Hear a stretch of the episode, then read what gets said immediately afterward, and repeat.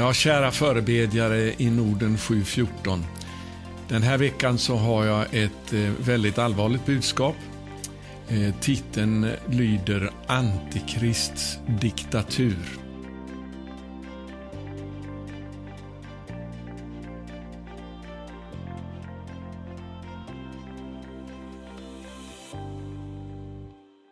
Vi är så tacksamma till var och en av er som stöder vårt växande bönarbete ekonomiskt. Alla sätt att ge i de olika länderna hittar du på vår hemsida norden714.com. Glöm inte att prenumerera, ringa klockan och dela vidare. Vi vill nå ut till så många som möjligt. I dessa osäkra tider utökar vi nu till nya plattformar och som podcast på Soundcloud och iTunes. Se beskrivningen nedan hur du kan gå igenom en gratis böneskola och bli en del av 10 000 bedjare för andligt genombrott och väckelse i Nordens länder. Gud välsigne dig. Det är ju så att den här bönerörelsen startade för fyra år sedan i januari 2018 utifrån att jag fick ett väldigt allvarligt tilltal på morgonen den 12 januari. Tidigt på morgonen så väckte Herren mig med följande ord. Det som sker nu i Sverige, och det här sker ju inte bara i Sverige, men det var Sverige han talade till mig om då. Det som sker nu i Sverige ingår i en medveten strategi att bryta ner samhället för att kunna införa antikristdiktatur. Och som jag har sagt så många gånger tidigare så de här orden de skakade om mig jag låg och mediterade över innehållet och, och gick upp och, för att bedja efter en stund eh, sedan jag hade skrivit ner den exakta ordalydelsen. Och utifrån det här så startade jag det som då kallades för Sverige 714 utifrån löftet i Andra krönikeboken 7 och 14 om mitt folk som är uppkallat efter mitt namn ödmjukar sig och ber och söker mitt ansikte och omvänder sig från sina onda vägar då vill jag höra det från himmelen, förlåta deras synd och skaffa läkedom åt hela deras land. Eh, under det första året så koncentrerade vi oss mycket på att be för valet i Sverige som hölls då i september 2018. Eh, men året därpå så eh, fick vi en utökad vision i den här bönerörelsen till att omfatta också de övriga nordiska länderna och vi startade då det som idag heter Norden 714. Men jag vill tala lite grann nu om det här ursprungliga tilltalet som jag fick om antikrists diktatur. Eh, alltså det är ju ett väldigt radikalt ord. Eh, det, skakar om det här med antikrist och diktatur. Och är det här någonting som är på gång nu? Ja, det var ju många som eh, eh gjorde narr av det här tilltalet, som drev gäck med mig.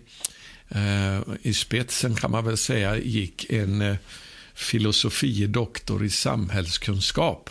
Eh, jag ska inte nämna hans namn men som är en av de eh, stora kristna ledarna i Sverige som gick ut eh, emot det här och tyckte det var så bedrövligt att det var egentligen inte ens värt att kommentera. Trots det så ägnade han flera blogginlägg för att betona hur stolligt och tokigt det här var. Ja, han rekommenderade att innan man började ge sig in i en samhällsdebatt så borde man åtminstone börja med att läsa igenom budgetprepositionen. Propositionen heter det väl kanske. Ehm, ja, så tokigt kan det bli om man blir hjärntvättad utav denna världens visdom och inte håller sig till det som kommer ifrån Guds ord. För jag ska tala här om utifrån Bibeln vad den här antikristliga diktaturen handlar om, hur den växer fram. Ehm, därför att det är till ordet vi måste hålla oss, vänner. Så eh, speciellt den här brodern då, han eh, ifrågasatte vem är det i så fall som håller i den här strategin att bryta ner samhället. Det är ju rena stolligheterna. Men det är inte det, vänner. Utan det här är någonting som är väldigt tydligt och klart förutsagt i Guds ord. Och Jag skrev då i den ursprungliga, det ursprungliga uppropet som jag gick ut med 2018 Eh, att den här medvetna strategin att bryta ner samhället kommer inte ursprungligen ifrån människor utan från citat härskaren över luftens välde den ande som nu är verksam i olydnadens barn. Citat från Efesierbrevets andra kapitel och andra vers.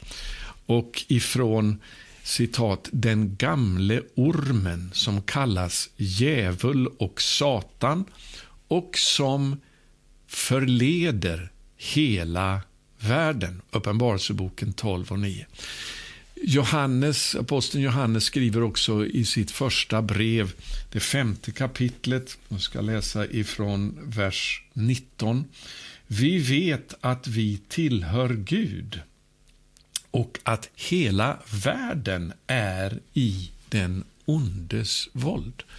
Så här ser vi väldigt tydligt alltså att hela världen enligt Guds ord är i den ondes våld. Och den onde det är alltså det som står sedan i Uppenbarelseboken, eh, den gamle ormen som kallas djävul och Satan och som förleder hela världen.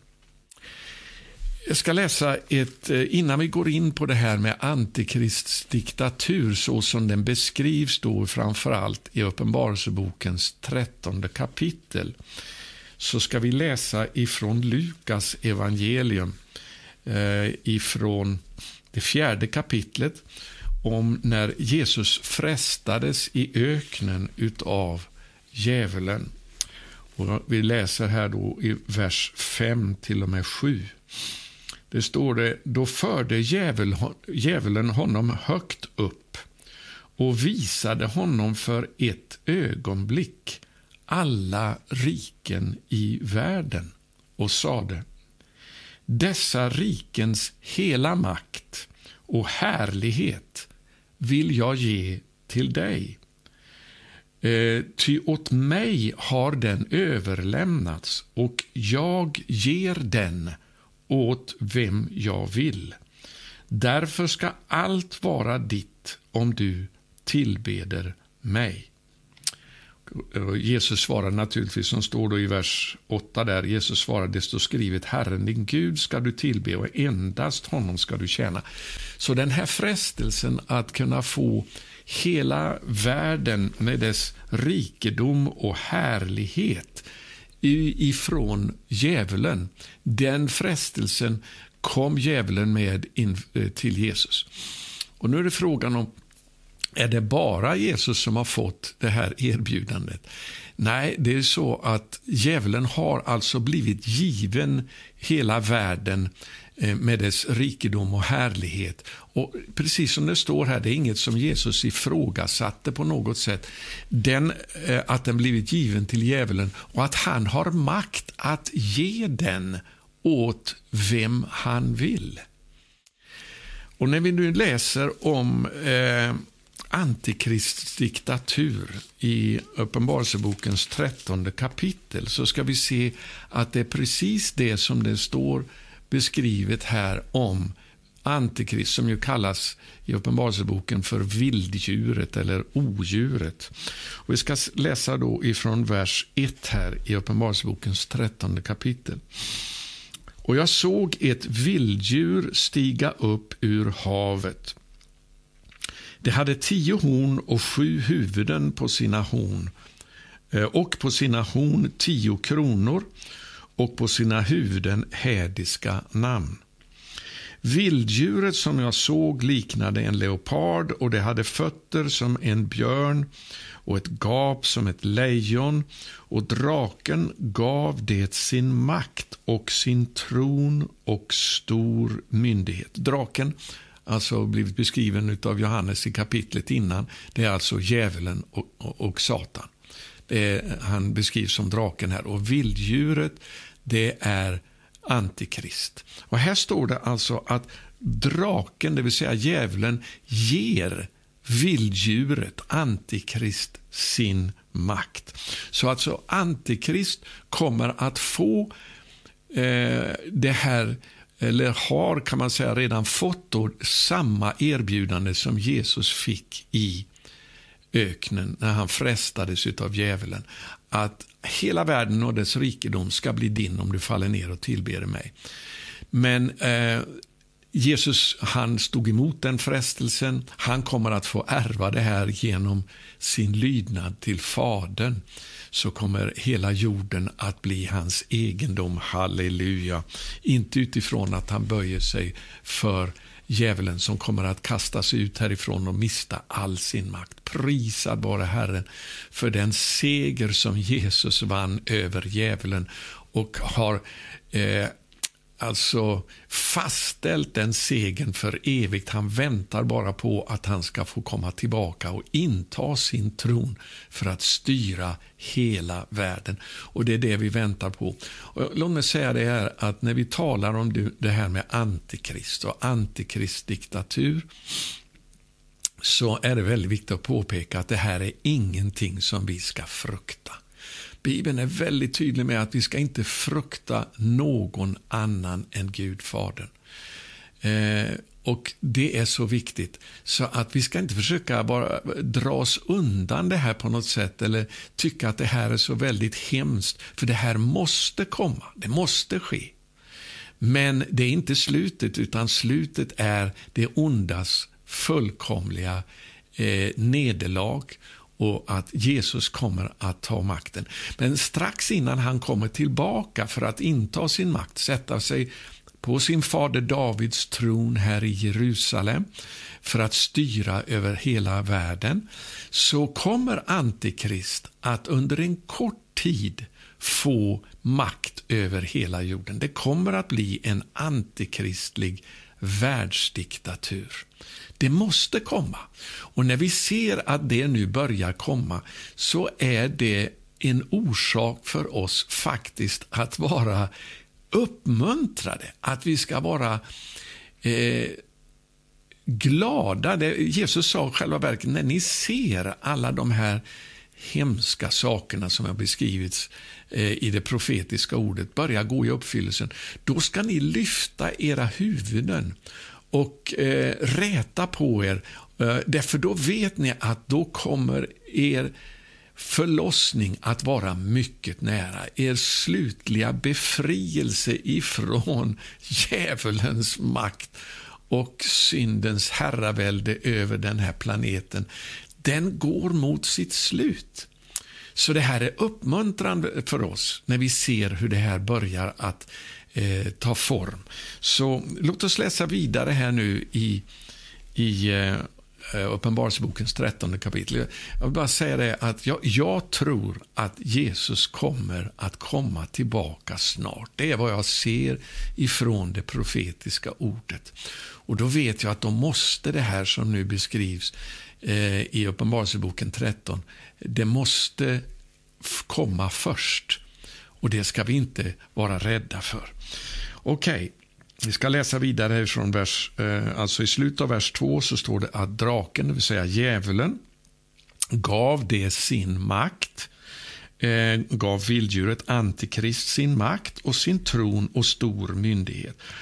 Ett av dess huvuden, det är alltså vilddjurets huvuden det handlar om här nu, såg ut som det hade blivit slaktat och dödat men dess dödliga sår hade läkts och hela jorden förundrade sig över vilddjuret och följde efter det. Och så står det här nu i vers 4. Och man tillbad draken. Man tillbad alltså djävulen. Det är speciellt de här tio kungarna som kommer att få makt under en kort tid i den yttersta tiden de tillber draken. De har gått in på just det här erbjudandet som djävulen gav till Jesus när han frestade honom i öknen. Om du faller ner och tillber mig så ska hela den här rikedomen och härligheten över världen bli dig given. Det erbjudandet sa Jesus nej till, men det är andra som kommer att acceptera det, nämligen de som kommer att styra tillsammans med vilddjuret med Antikrist i den sista tiden. Så här har du alltså förklaringen ifrån Guds ord på ursprunget till den antikristliga diktaturen. Men vi ska tala mer konkret om det här eh, när vi fortsätter att läsa här. Då. Så eh, Det står i vers 4 här, och man tillbad draken därför att han hade gett sin makt åt vilddjuret. Djävulen överlåter makten åt Antikrist därför att han och de som står med honom eh, har böjt sig under djävulen för, genom att tillbedja honom och därifrån har de fått hans makt. Alltså han som har hela världen i sin våld. Vi vet att hela världen är i den ondes våld, som Johannes skriver. Eh, så han kan ge den här makten och auktoriteten till dem som tillber honom. Okej? Eh, okay? Och så står det att man tillbad även vilddjuret och sa, vem är som vilddjuret och vem kan strida mot det? Och vers 5. Och åt vilddjuret gavs en mun som talade stora och hädiska ord och det fick makt att göra så i 42 månader, tre och ett halvt år. Eh, men den här munnen, det är eh, jag inte den enda som, som säger det, utan det är många profetiska förkunnare som har för, sagt det under lång tid, att vilddjurets mun, det är media. Media är idag i händerna på eh, denna här tidsålders Gud som förför hela världen. Media kommer att överlämnas i eh, vilddjurets och i drakens våld till att förföra hela jorden. Det vill säga de som inte har blivit tvagna i Lammets blod till att övervinna djävulen och Satan genom sitt vittnesbördsord och genom att de inte drar sig undan, att de inte älskar sitt liv så att de drar sig undan döden. De är villiga att offra sina egna liv hellre än att böja sig under denna tidsålders Gud. Och Det är bara de som kommer att vinna seger över Antikrist. Jag vill säga det innan jag går vidare här faktiskt. Vi ska hoppa fram till kapitel 15 innan jag läser vidare nu i Uppenbarelseboken 13. Det är så uppmuntrande att läsa i eh, Uppenbarelseboken 15 från vers 1. Och jag såg ett annat stort och underbart tecken i himlen. Sju änglar med sju plågor det sista, ty med dem når Guds vrede sin fullbordan. Det här beskriver alltså Johannes som ett underbart tecken att Guds vrede kommer att utgjutas över de ogudaktiga som har böjt sig under djävulen och hans inflytande. De kommer att bli dömda av Gud när Jesus kommer tillbaka. Guds vrede kommer att drabba dem, men vi är bestämda till frälsning genom att vi har tagit emot syndernas förlåtelse genom Jesu blod. Och Jag vill säga det redan nu, om du ser den här videon och du inte har överlåtit hela ditt liv till Gud, omvänt dig till honom och bett om dina synders förlåtelse genom reningen i Jesu blod som betalade priset för dina synder så vill jag uppmana dig att göra det eh, så fort du någonsin kan. Att böja dina knän och tacka Gud för frälsningen som han har gett oss genom Jesu seger på Golgata när han gav sitt eget liv för att betala priset för alla våra synder. Så att vi kan få förlåtelse för våra synder, bli tvättade rena, bli födda på nytt genom den helige Ande och tagna ut ur världen och ut ur djävulens våld för att kunna ärva det rike som kommer när Jesus kommer tillbaka. Så det frälsningsbudskapet, det ska du ta vara på. Du måste se till att du är född på nytt genom den helige Ande, genom att du ber Eh, till Gud om syndernas förlåtelse och be Jesus komma in i ditt liv och bli din frälsare och din Herre. Överlåter dig helt och fullt till honom. Om du behöver hjälp med det så ta kontakt med någon församling, någon kristen som du känner till att bedja för dig till dess att du vet att du är Guds barn, att dina synder är förlåtna. Halleluja. Nu ska vi läsa vidare här i Uppenbarelseboken 15. Prisa vare Herren. Jag ska läsa återigen från början av vers 1. Och jag såg ett annat stort och underbart tecken i himlen. Sju änglar med sju plågor, det sista, ty med dem når Guds vrede sin fullbordan. Domen kommer att gå över det ogudaktiga och du måste se till att den inte den domen också kommer att gå över dig genom att inte dina synder är förlåtna. Okej, okay, vers 2. Och jag såg liksom ett glashav blandat med eld. Och på glashavet såg jag dem stå, lyssna här nu, som hade vunnit seger över vilddjuret. Halleluja! Och över dess bild och över dess namns tal, vilddjurets tal alltså som beskrivs, vi ska läsa om det i Uppenbarelseboken 13 som 666. Det har Guds harpor i händerna och det sjunger Moses, Guds tjänares sång och sången till Lammet. Stora och underbara är dina gärningar, Herre Gud, du allsmäktige. Rättfärdiga och sanna är dina vägar, du folkens konung. Vem skulle inte frukta dig, Herre, och prisa ditt namn? Ty endast du är helig, och alla folk ska komma och tillbe inför dig, ty dina rättfärdiga domar har uppenbarats. Det här alltså handlar om ett folk som har sagt ja till Guds eh, helighet, att eh, det är han som är värdig all makt och som bejakar domen över synden och enbart fruktar honom. De som har den sången i sina hjärtan, genom att allting är klart med Gud, de kommer att vinna seger över vilddjuret, över dess märke och dess namns tal i den sista tiden. Och nu hinner jag inte i det här budskapet gå in att tala om Moses sång och Lammets sång, det är ett underbart ämne som vi kan studera ifrån Guds ord vad det handlar om. Det handlar om den seger som har vunnits.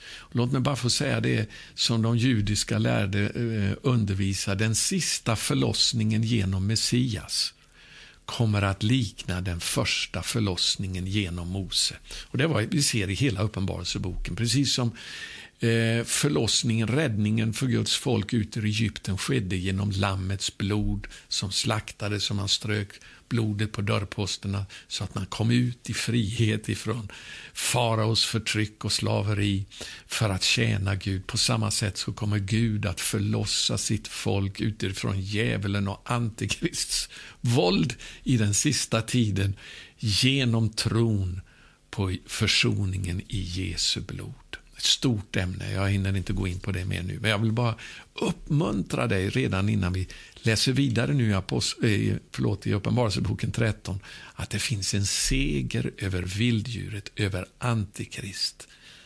Halleluja, att vi kan gå segrande igenom den här tiden. Tillbaka nu till Uppenbarelseboken 13.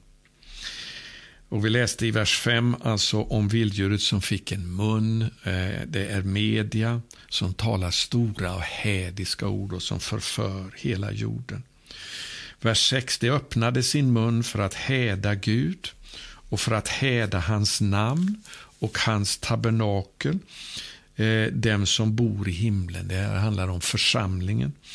Eh, vi är ju den levande Gudens tabernakel. Eh, och eh, Antikrist kommer att häda församlingen, förfölja församlingen. Det står här i vers 7 sedan också. Och åt vilddjuret gavs makt att strida mot det heliga och att besegra det. Och det fick makt över alla stammar och folk och språk och folkslag. Så vad innebär det här? Ja, alltså det finns då det heliga som kommer att gå segrande genom den här tiden. Men det står här att det fick makt att besegra dem, det vill säga att eh, kunna besegra deras inflytande över eh, alla folk och stammar och språk och folkslag. Det kommer alltså att bli en politisk agenda i den sista tiden som Antikrist kommer att lyckas att genomföra utan att församlingen kan stoppa det. Det är vad den versen handlar om. Kommer inte, Antikrist kommer inte att vinna seger över oss personligen, utan den kommer att vinna seger över, besegra vårt inflytande över världens utveckling. Väldigt viktigt att se det.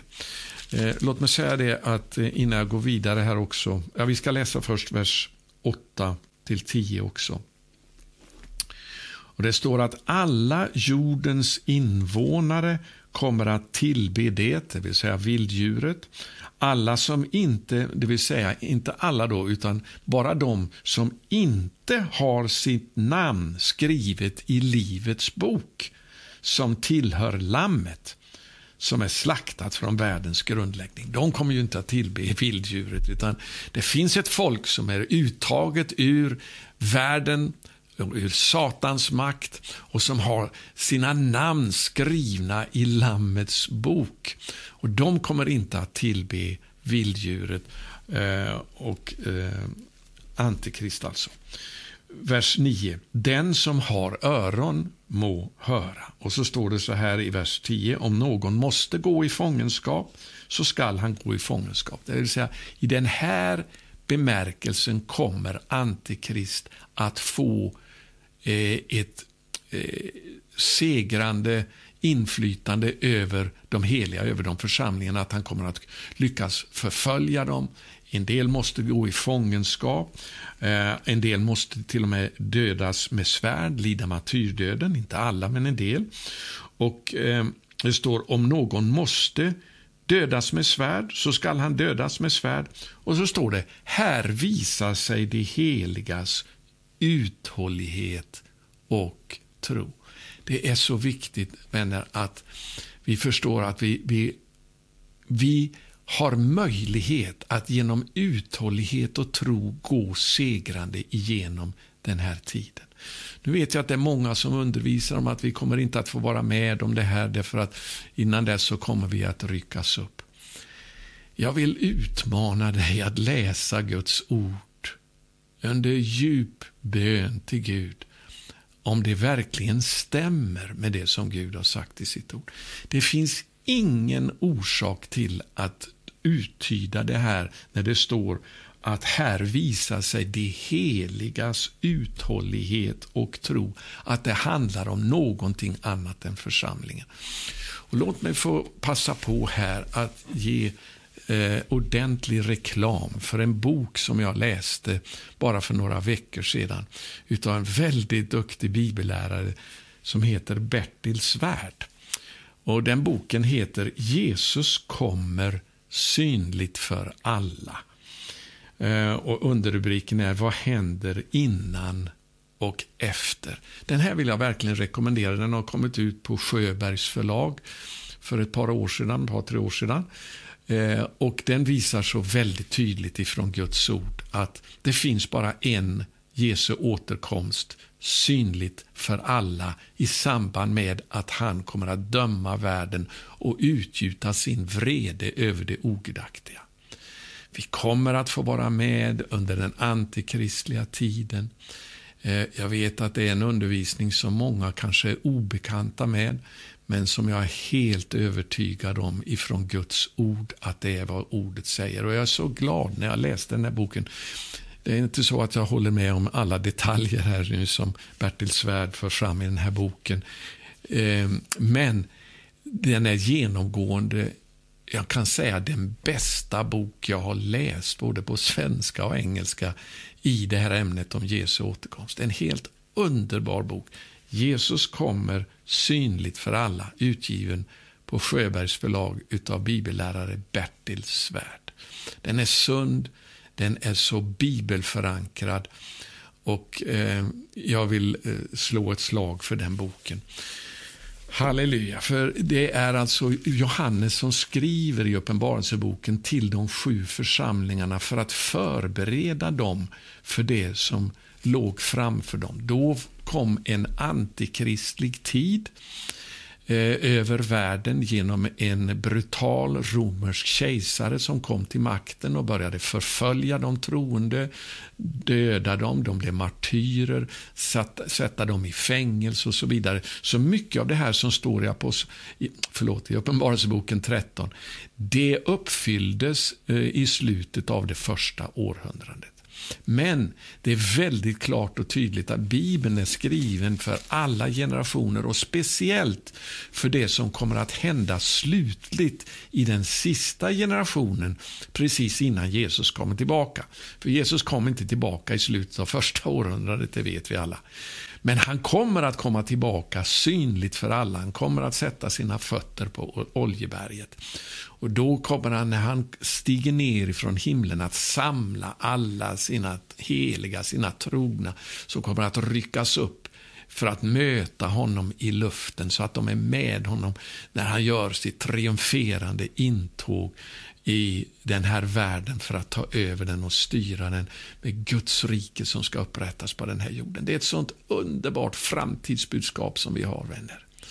Och det finns en seger i den här sista tiden. Att gå igenom eh, de här prövningarna, precis som den första församlingen fick uppleva i slutet av första århundradet, så kommer vi också att kunna få vara med om att vinna seger i den sista tiden. Alla kommer inte att dödas med svärd, alla kommer inte att eh, eh, gå i fångenskap. Några kommer att göra det därför att de är, älskar inte sitt liv så att de drar sig undan döden. Och Låt mig säga i början här, alltså, det står så här då i den sista versen. Eh, vi läste vers 10 här i Uppenbarelseboken 13. Här visar sig det heligas uthållighet och tro. Eh, i det tredje kapitlet så har eh, Johannes på diktamen från Jesus själv skrivit ett brev till församlingen i, i Philadelphia. Och det står det så här i den tionde versen. Eftersom du har bevarat mitt ord om, vad då? Om uthållighet. Så ska jag bevara dig och rädda dig ur prövningens stund, inte ifrån prövningens stund, men ur prövningens stund som ska komma över hela världen. Det är vad vi kallar för den stora vedermödan. Den kommer att komma som en prövningens stund över hela världen för att sätta dess invånare på prov. Ja, Gud kommer att tillåta att vi blir testade och prövade för att, om vi, för att se om vi är trogna in till döden för att stå för den Herre som har köpt oss med sitt blod. Och om, det står ett löfte här, alltså de som har tagit vara på det här ordet om uthållighet. Det krävs ju ingen uthållighet att bli räddad ifrån alltihopa det här. Men däremot så krävs det en väldig uthållighet och tro att gå igenom de här, den här prövningens stund som kommer att komma över hela världen. Låt mig göra ett litet stickspår här till eh, Matteus 24, det stora eskatologiska talet på Oljeberget som Jesus gav till lärjungarna. Det står det så här att eh, i vers 13, den som håller ut den som är uthållig, alltså håller ut ända till slutet, han skall bli frälst. Och Det är den här uppmaningen att hålla ut ända till slutet, att vara trogen in till döden. Så ska jag ge dig livets krona, sa Jesus till församlingen i Smyrna. Ehm, att vara trogen intill döden, det är den uthålligheten vi kommer att behöva i den sista tiden. För Jesus sa, frukta inte för dem som kan dräpa kroppen. Jag säger er vem ni ska frukta. Frukta honom som har makt, inte bara att dräpa kroppen, utan också kasta i Gehenna. Honom ska ni frukta. Och då behöver vi inte frukta någonting annat. Om, om Antikrist tar livet av oss så är det en direkt seger, eh, biljett in i himlens härlighet och att få vara med Jesus när han kommer tillbaka. Halleluja.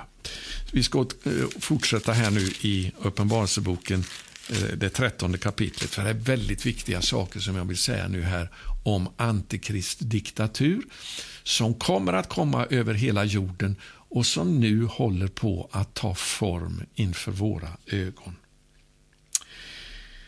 läser här från vers 11 fortsätter. Jag såg ett annat vilddjur stiga upp ur jorden. Det här vilddjuret som stiger upp ur jorden, inte ur havet alltså, det kallas senare för den falske profeten.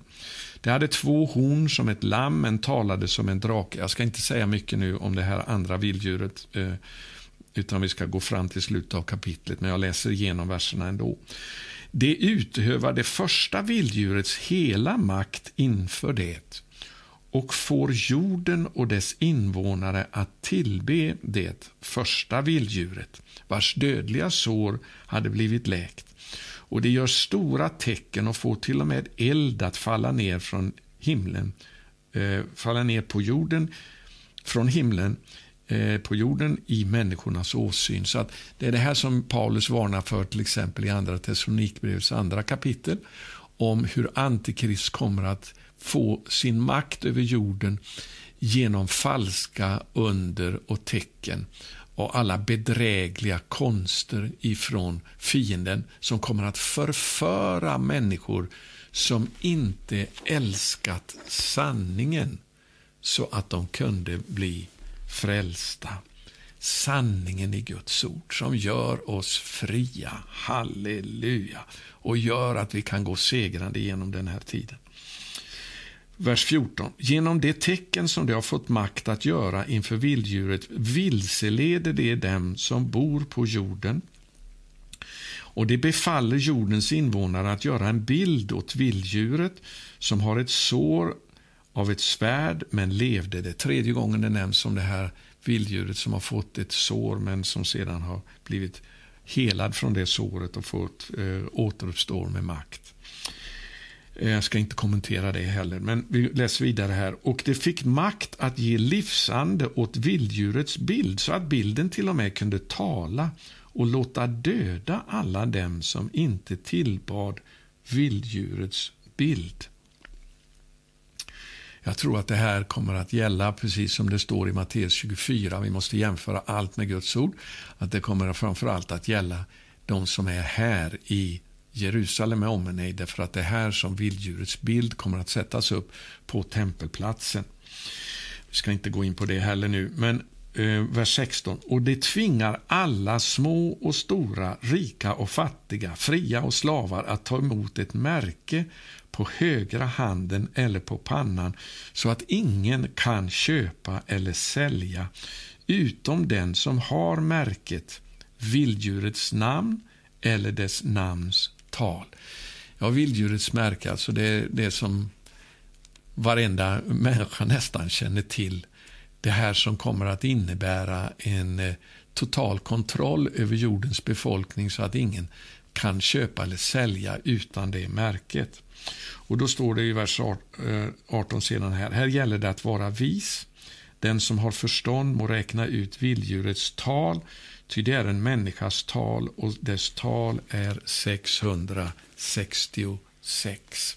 Jag ska tala lite konkret över det här just nu. Och eh, Det är ju så här att den här strategin att bryta ner samhället för att kunna införa antikrists eller vilddjurets diktatur den är en strategi då som eh, kommer ifrån djävulen själv, men som han har gett till personer som har böjt sig för honom för att tillbe honom för att i utbyte mot det få makt över världen. Det är vad Bibeln talar om, vad Bibeln säger om. Och Det här det håller på att växa fram nu med rasande fart. Ehm, de flesta av er har säkert hört talas om Agenda 2030 som innebär en plan eh, utarbetad via FN att år 2030 så ska fattigdom eh, vara utplånad ifrån jorden.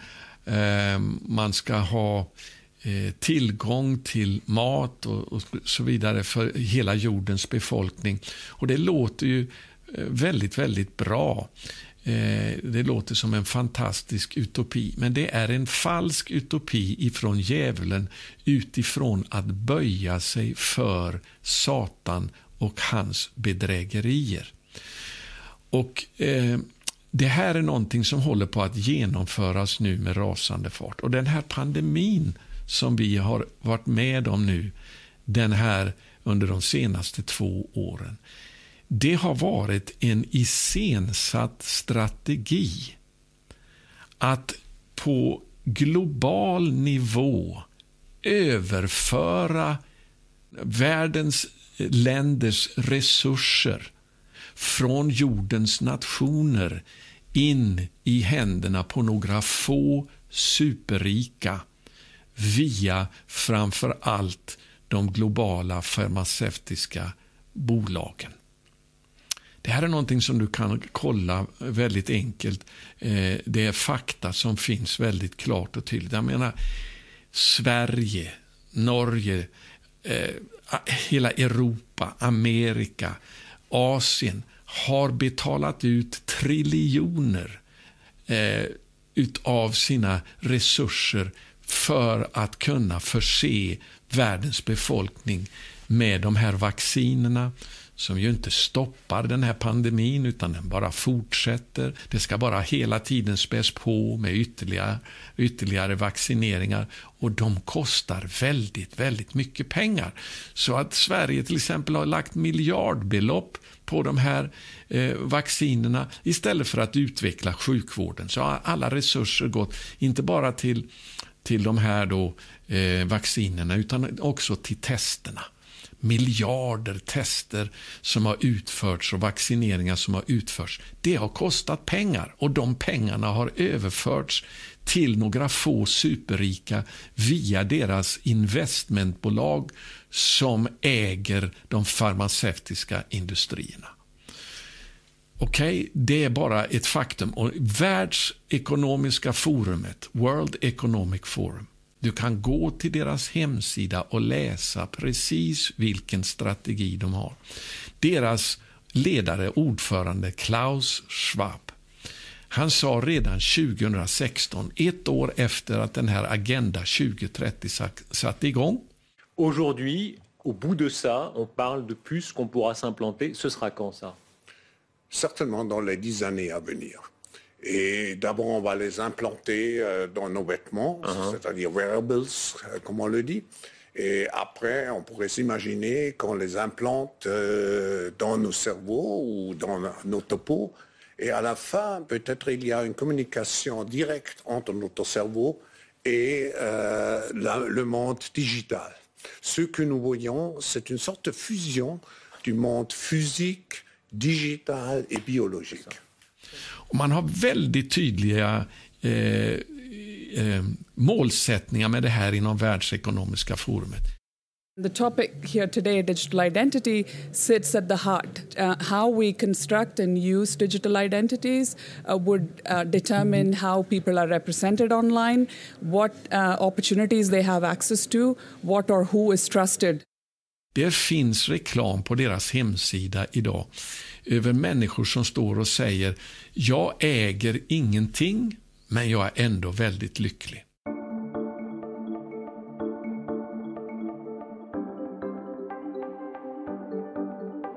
Därför att man har en plan att beröva hela världens befolkning från personliga egendomar för att i gengäld sedan ge var människa en eh, alltså fast inkomst en, en statligt, ett statsbidrag helt enkelt, där alla kommer att kunna ha vad de behöver, men de äger ingenting. Det vill säga totalt slaveri eh, under detta ekonomiska system som nu håller på att utarbetas. Och Jag kan ju inte säga hundraprocentigt säkert att det här verkligen är vilddjurets märke. Men om inte det här stämmer med Uppenbarelsebokens trettonde kapitel så är det väldigt, väldigt nära. Man har redan nu planerna på att införa den här totala diktaturen och förslavningen av världens befolkning. Det pågår med rasande fart. Och den här pandemin vi har varit med om nu under de senaste två åren, det är i stort sett helt klart idag att det här viruset från början var tillverkat i laboratorium. Alltså det har varit ett, ett, en strategi, en plan att via fruktan och panik och masshypnos få hela världen att gå in i den här agendan. Och Det är vad, vad Gud talade till mig om bland annat när jag satte igång den här bönerörelsen. Att det som sker nu det ingår i en medveten strategi att bryta ner samhället för att kunna införa antikristdiktatur. Den är på gång. Men vi har möjlighet att vinna seger i, över det här genom att vara eh, trogna Guds ord. Genom att vi inte älskar våra liv så att vi drar oss undan döden och genom att vi inte fruktar det som fienden har att eh, skrämma oss med utan vi bara böjer oss för allsmäktig Gud. Vi ska inte böja oss i tillbedjan för någonting annat. Så det här är vad Guds ord kallar, eh, målar ut för oss som framtidsscenario. Och jag tror som sagt att Jesus kommer snart tillbaka. Men innan han kommer tillbaka så måste det här antikristliga systemet ta plats. Och Det är därför vi har Guds ord, för att kunna förbereda oss för det och kunna gå segrande igenom den här tiden så att vi kan undvika den här, eh, det här eh, ogudaktiga världssystemet som är på väg att ta över. Det är på gång, jag vet inte exakt hur det i slutändan kommer att utveckla sig. Men det är på antågande. Vad behöver vi göra nu? Jo, nu behöver vi predika evangeliet som aldrig förr. Därför det är den enda räddningen ut ur denna djävulska agenda att få sitt namn skrivet i Livets bok och en evig arvslott ibland de som är helgade. Jag ska avsluta nu med det här bibelstället som jag älskar från Apostlagärningarna 26 som jag nämnde förra veckan i videon. Där eh, Jesus säger till Paulus när han uppenbar sig för honom på vägen till Damaskus. Och eh, så säger han så här till Paulus eh, ifrån vers 17 i Apostlagärningarna 26 att han ska rädda honom från sitt, hans eget folk och undan hedningarna. Till dem sänder jag dig. Och precis som Paulus blev sänd till hedningarna så har blivit, vi också blivit sända till att gå ut i hela världen och predika evangeliet. Vers 18. För att du ska öppna deras ögon. Ja, vänner, världen behöver, människor ska säga, behöver få sina ögon öppna för sanningen i evangeliet. Och Det är vad vi ska fortsätta att bedja om nu under det här året. Jag tror att det kommer att bli början till en väckelse. Det kommer att vara ett väckelseår. Vi kommer att få se människor börja komma till tro, för Gud har en plan att rädda en stor skörd i den sista tiden undan detta antikristliga system. Halleluja. Vi ser att det här sker ett uppvaknande över världen idag, där människor börjar förstå att det är en, ett bedrägeri bakom det som nu sker. Det var ju en eh, demonstration i Stockholm nu för frihet och sanning för bara några veckor sedan på Sergels torg som samlade upp emot, enligt vissa uppgifter, 20 000 människor. Massor med människor som var där. Och precis när jag talar in nu den här videon så pågår det en massiv lastbilskonvoj i Kanada eh, för att demonstrera emot detta betryck och förtryck som framför allt har fått ett sånt starkt grepp över Kanada genom dess premiärminister Justin Trudeau, som är en direkt lärjunge till Klaus Schwab. Building back better means getting support to the most vulnerable while maintaining our momentum on reaching the 2030 Agenda for Sustainable Development and the SDGs. This pandemic has provided an opportunity for a reset. This is our chance to accelerate our pre pandemic efforts to reimagine economic systems that actually address global challenges like extreme poverty, inequality, and climate change. Jag tror inte det här systemet kommer att kunna införas totalt över hela världen. Eh, det, det, kommer att finnas frizoner från det här, det är jag helt övertygad om. Men om vi tvingas in i det systemet så finns det möjlighet att kunna gå segrande igenom. Så den här lastbilskonvojen och demonstrationerna pågår just nu i Kanada håller på att sprida sig till många andra länder, bland annat till Israel. Det pågår ett uppvaknande, ett massivt uppvaknande.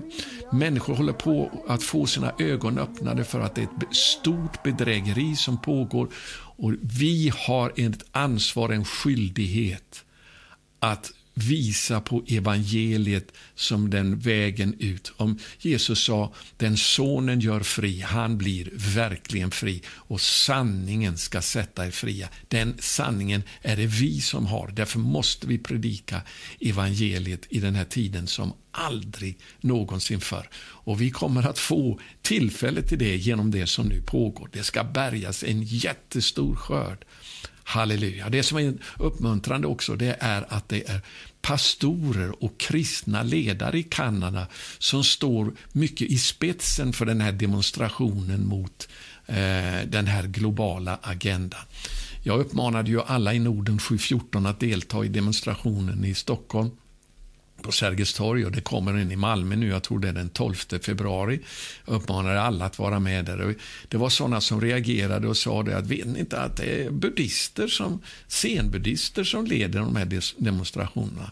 Kära vänner, zenbuddisterna har inte monopol på frihet och sanning. Det är det vi står upp emot, friheten mot det här antikristliga systemet som nu är på väg. Det är vi som har den verkliga friheten och sanningen. Det är ingen annan som har monopol på det. Och Vi står upp för de värdena, för frihet och sanning. Och Det är det som vi ska eh, vara frimodiga att stå upp för Jesu namn. Halleluja. Jag ska läsa vidare här i vers 18 så uppenbart. Det här är vår kallelse, att vi ska öppna människors ögon så att de vänder sig från mörker till ljus, från Satans makt till Gud. Så ska ni genom tron på mig få syndernas förlåtelse och arvslott bland dem som är helgade, det vill säga tagna ut ur världen ska vi avsluta med bön här nu. Jag, eh, fanns mycket att säga här, men jag ska inte säga mer nu. Jag har hållit på väldigt länge, men vi ska be tillsammans. Eh, att vi ska få vara med att vinna en stor skara som ingen kan räkna. Vi har alla folkslag, stammar och folk och tungomål som ska få sina ögon öppna till att omvända sig från mörker till ljus, från Satans makt till Gud, så att de får sina synder förlåtna och en arvslott. Eh, de får sina synder förlåtna genom tron på Jesus, vill jag tillägga väldigt tydligt också, och sin arvslott bland dem som är helgade. Käre himmelske Fader, jag tackar dig för ditt ord som är våra fötters lykta och ett ljus på vår stig. Det är sanningen som kan rädda oss undan den förförelse som eh, nu pågår för högtryck över hela jorden. Och Herre, jag ber att du ska använda oss redan under detta år att få eh, genom evangeliet öppna ögonen på många människor så att de förs utifrån mörker till ditt underbara ljus. Ifrån Satans makt till dig, Gud, så att de får syndernas förlåtelse genom tron på Messias, på Jesus. Kristus, världens frälsare. Och en arvslott, en evig arvslott tillsammans med alla som är helgade. Jag vill be för var och en i den här bönerörelsen Norden 714 och för var och en som ser denna video. Jag ber att budskapet ska sprida sig med hast och väcka ditt folk upp ur sömnen, ur likgiltigheten, ur slaveriet under dessa världens frestelser och snaror för att eh, stå upp i den heliga Andes kraft till att gå ut med evangeliet som aldrig förr. Tack för den plan du har att bärga en stor skörd i den sista tiden. Jag tackar dig för ditt ord som ska gå fram med makt i denna sista tid. Tack för din församling som ska resa sig segrande genom den här tiden. Vi prisar och lovar ditt underbara namn. Tack för vad du ska göra. Och Herre, nu ber jag att du ska styrka varje bedjare i bönekampen. Herre, du har sagt att den här skörden den kommer att bärgas i samma utsträckning som vi beder. Och Herre, jag ber att du ska hjälpa oss att ge oss hän till bön nu som aldrig någonsin förr. Halleluja! Att vi är uthålliga i bönen så att vi får se denna underbara seger manifesteras i denna sista tid. I Jesu namn ber vi. Amen. Gud välsigna dig till troheten i bönen och till att gå ut med evangeliet. Det här året, 2022, tror jag är en början till Bibelns kraftigaste evangelisationsstrategi. En vinner en som vinner en. Som Paulus beskriver i Andra Timotebrevet 2 och 2. 2, 2, 2. Det är det som kommer att karaktärisera nu även detta år 2022. Gud välsigne dig. Vi står tillsammans. Det är seger. I Jesu namn.